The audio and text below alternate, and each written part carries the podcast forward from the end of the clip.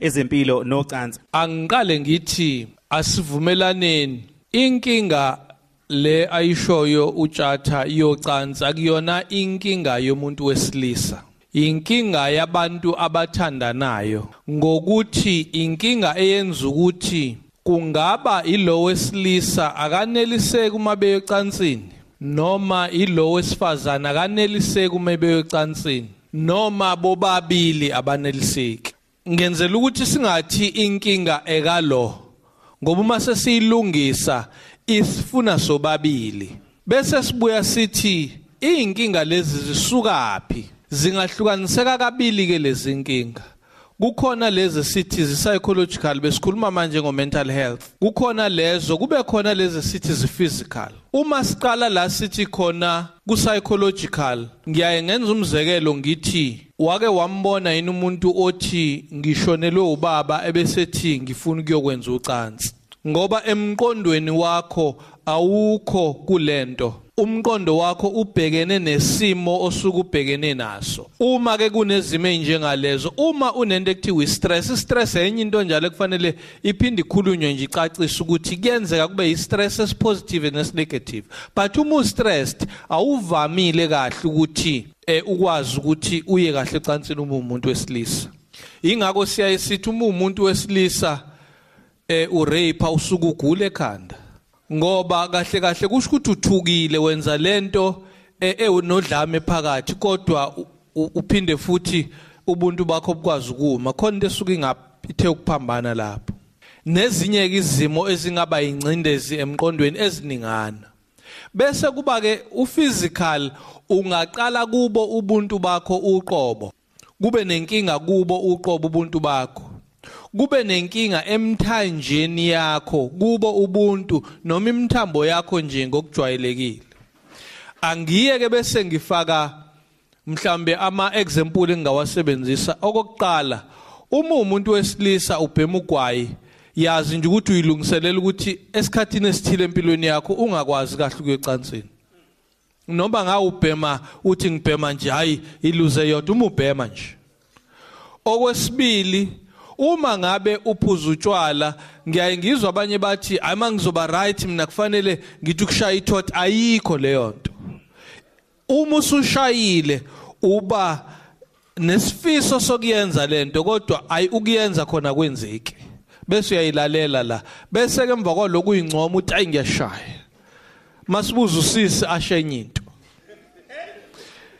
Bese kuba ama drugs kuma drugs ngicela ukufaka ama drugs lawa esingawafuna ococaine nezinye izinto bese kuba sikubizana ngama drugs kodwa sithi i-medication. Ikhona i-medication esaziyo ukuthi uma uyisebenzisa ama side effect ayo ukuthi kungavukeki kahle eh lapha ekhaya.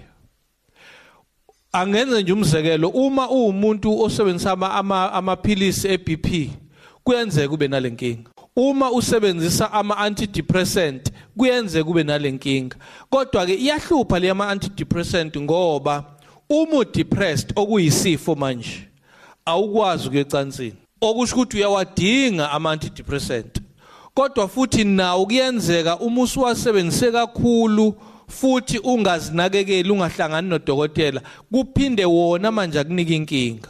Kube amaphilisi eBP ngeke ngawabala kube amanye amaphilisi uma unesifo ekuthiwa iprostate ziningi inhlobo ke ezingaphathi prostate iprostate ke yindlala umuntu wesilisa anayo eba lapha kuphela khona isinye. Uma leyo ndlala inenkinga kuyenzeka ube nenkinga. Uma futhi usuthola inhlobo ezithile zamaphilisi asuke eqonde ukukusiza kule prostate nakhona kuyenze kube nezinkinga kodwa angiphinde ngidlulele ekutheni uma siyihlukanisa lezi inkinga eh zocansi kumuntu wesilisa sihlukanisa kanjani? Kukhona la umuntu wesilisa avele athi nje angizwa nje ukuthi angiyocansini la sithi loss of libido noma ngabe kungenzekalani noma engabonani noma engatshelwani noma engathintwaphi akezwe nje ukuthi akaye. Kube khona la eya eyathi khona cha ngiyafisa ukuya. Kodwa manje mase kufanele aqale athi hayi esihamba naye ke akasukume sihambe agoloze lokusukuma ubathe ushona ngapha hayi agoloze nje angasukumi. Kube khona la uthola ukuthi cha uyasukuma. Uyabona umfundisi ke lokhuluma ngikwazi kumphikisa avuke lokho ke kuyahlupha ngoba ufike asukume kokunye uthi usathi uyaqala nje uyamletha la kufanele aye khona avele ayi abuyele emuva. Kokunye ke njalo avuke afike lapha aye athe eqeda nje ungazi noma imfudumalo noma yina vele futhi efika nje. Now ngike ngathi ke kukhona uphysical kukhona upsychological. Uma une stress ngeke ukwazi. Uma futhi usathi eh uthola umuntu omesabayo umuntu wesifazane kuyenzeka nakhona uthola ukuthi hey uthuthi bese kubambeka angi angigoqe nje lapho sibe sobe sesiyayixoxa ke kodwa yona ihamba lapho ngiyabonga Dongela mavuso siyabonga kakhulu. Sicela ukuthi sithathe ke imibuzo njengamanje eh lapha ezithamelini zethu eh uyobeke esebuya ke la eh umshengo azophendula. Khona abanembuzo? Sibonge sibonge umsakazi igama lami ngukhehla wakamasinga.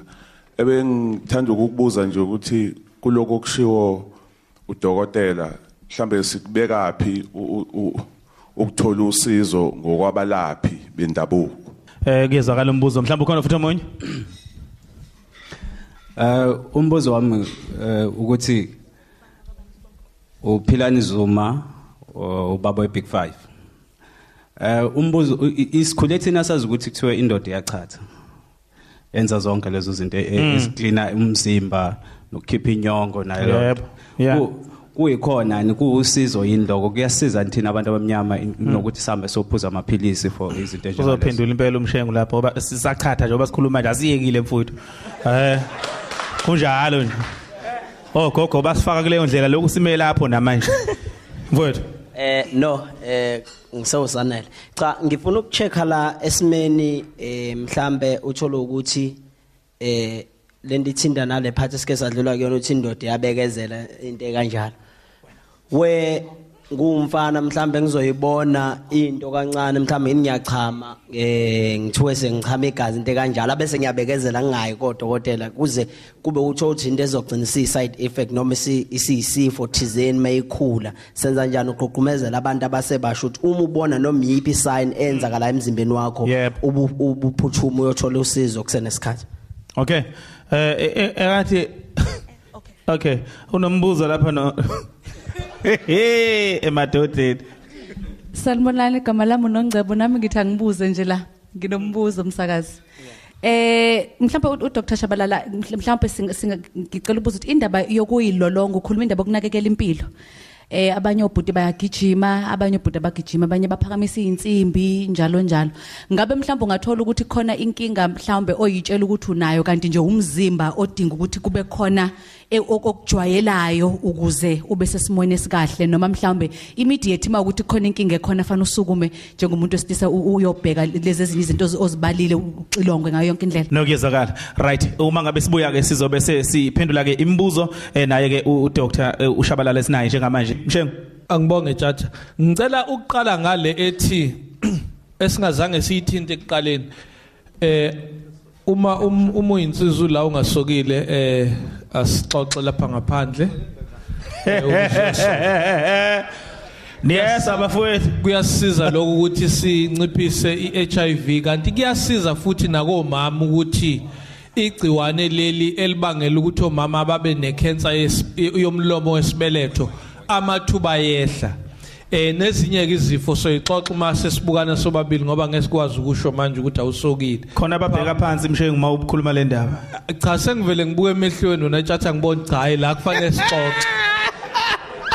Eh ukuchatha nokusebenzisa izimbiza ngiyaye ngikubalekele ukuthi ngixoxe ngako ngoba angikwazi. Angifuni ukuthi akusebenzi. Isizathu sami ukuthi ngiwumuntu omnyama ngiyazi ukuthi zikhona izinto ezisetshenziswayo zesizulu. Ukuthi mina ngizazi akusho ukuthi azisebenzi. Kodwa kubalekile ukuthi uma uzisebenzisa wazi ukuthi usebenzisa ngendlela. Okokuqala okwesibili uzithatha kumuntu owazi ukuthi udila nani. Ungangithole emgwaqweni bese uthi ngithola imbiza eshisayo uzonginika. Yenzela uzondo usuyinika ushabalala. Kubalekile ke lokho. Okwesibili eh uma ke wachama igazi kusho ukuthi khona inkinga ekhona. Ziningi izinto esingayifaka kuloko. Uma nje like laphuma kanye noma ngabe uneminyaka emingaki iya kwadokotela iye clinic sekungcono ke manje uhulumeni uya uyaya nje mahala eclinic ngeke ukuthi bengingenamali so uma ke kwaphuma igazi uchama kusho ukuthi khona inkinga hamba uyohlola ukuthi kwenze njani. Kubuzwe ke indaba ye healthy lifestyle. Uyabona uma ngabe unomzimba omkhulu eh kuvamile ukuthi iperformance yakho nje entweni eziningi ingabi inhle kubalekile ukuyivocavoca kusiza ngoba lawo ama hormones adingekayo kumuntu wesilisa ayavuseleleka. So kubalekile ukuthi uyivocavoce kubalekile futhi ukuthi umzimba wakho ube mncane eh ulingane naloko esithi BMI yakho awuzukuzilinganisa uthi ayima ngiyibuka nje siyafana notshatha cha. Anilingani notshatha. Ngakho yazi iBMI yakho bese uzivocavoca ngesikhathi zonke. Kubuye kusizeke futhi ukuthi kukusize ekutheni ngesikhathi unengcindezi onayo emqondweni ngesikhathi uyivocavoca umzimba futhi uyakwazi ukuadjusta ubuye usukwazi ukubeka izinto ngendlela engconywana. Ngiyabonga.